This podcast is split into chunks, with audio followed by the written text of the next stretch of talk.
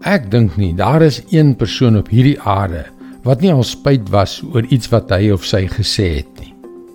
Ai, as ons dit maar net kon terugtrek. As ons net daardie dom ding wat by ons monde uitgekom het kon uitvee.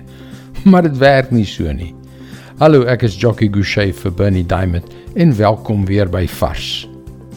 Wat ons sê en hoe ons dit sê, is 'n venster in ons siel. Ek en jy kan 'n wonderlike beeld voorhou.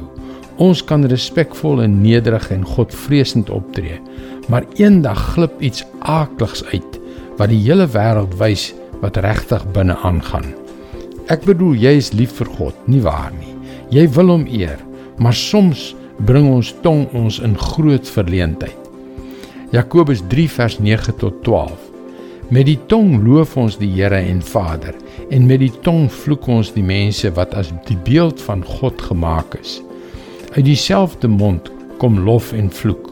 My broers, so moet dit nie wees nie.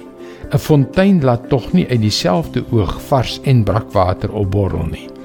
'n Vrye boom, my broers, kan tog nie olywe dra nie of 'n druiwestok vye nie. 'n Brakfontein kan mos nie vars water gee nie. Daar is nie 'n enkele persoon wat jy ooit sal ontmoet wat nie na God se beeld geskape is nie.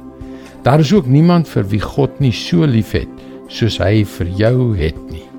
En om God die een oomblik te loof en dan in die volgende oomblik iemand vir wie hy lief is te vervloek is absolute skynheiligheid. Wie is die mense in jou lewe van wie jy regtig nie hou nie? Miskien is dit tyd om te begin bid dat God jou hart teenoor hulle sal verander. Miskien is dit tyd om te begin fokus op jou houding teenoor hulle. Hoekom? Omdat God hulle liefhet. Dink daarom tog baie mooi wat jy sê. Dit is God se woord vars vir jou vandag. Bid vir mense van wie jy nie hou nie. Ek weet dit is nie maklik nie, maar dit is die plek om te begin. En die goeie nuus is dat jy ook daagliks boodskappe soos hierdie per e-pos kan ontvang gaan na ons webwerf varsvandag.co.za en teken in. Luister weer maandag op dieselfde tyd op jou gunstelingstasie na nog 'n vars boodskap. Seënwense en mooi loop.